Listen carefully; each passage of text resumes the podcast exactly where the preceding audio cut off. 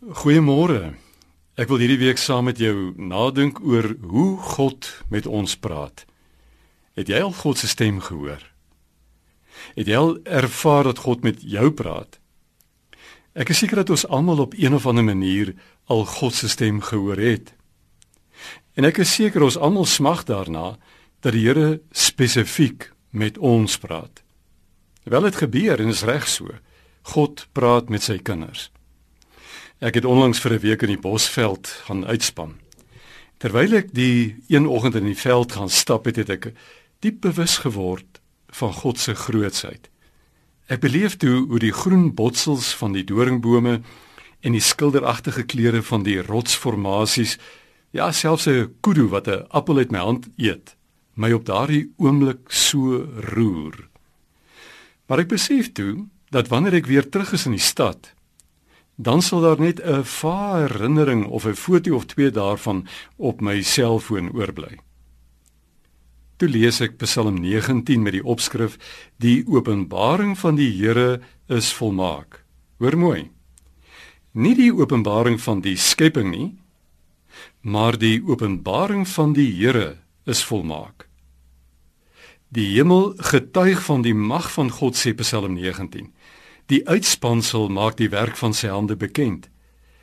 Die een dag gee die berig deur na die ander en die een nag deel die kennis aan die volgende mee. Sonder spraak en sonder woorde, onhoorbaar is hulle stem. En ek besef toe ateëste en skeptici en ja soms onsself wat so vasgevang word in ons programme en tydskedules kyk dikwels vas teen die grootsheid van die skepping.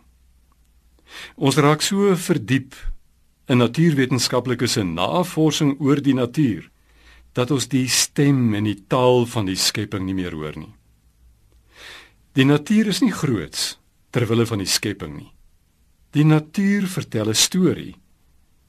Die storie van hoe groot die liefdevolle God is. Die hemel getuig van die mag van God, sê Psalm 19.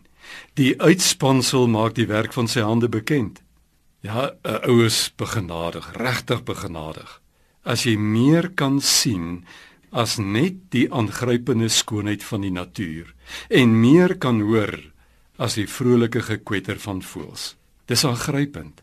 As jy sien en hoor hoe hulle vertel God is lewend. Ja, dit is dan dat die asemrowende skoonheid van die natuur nie net op fotoalbums van selfone vasval nie. Hulle storie dat God leef, gryp jou vas. Mag jy dit vandag so ervaar. Mooi dag vir jou.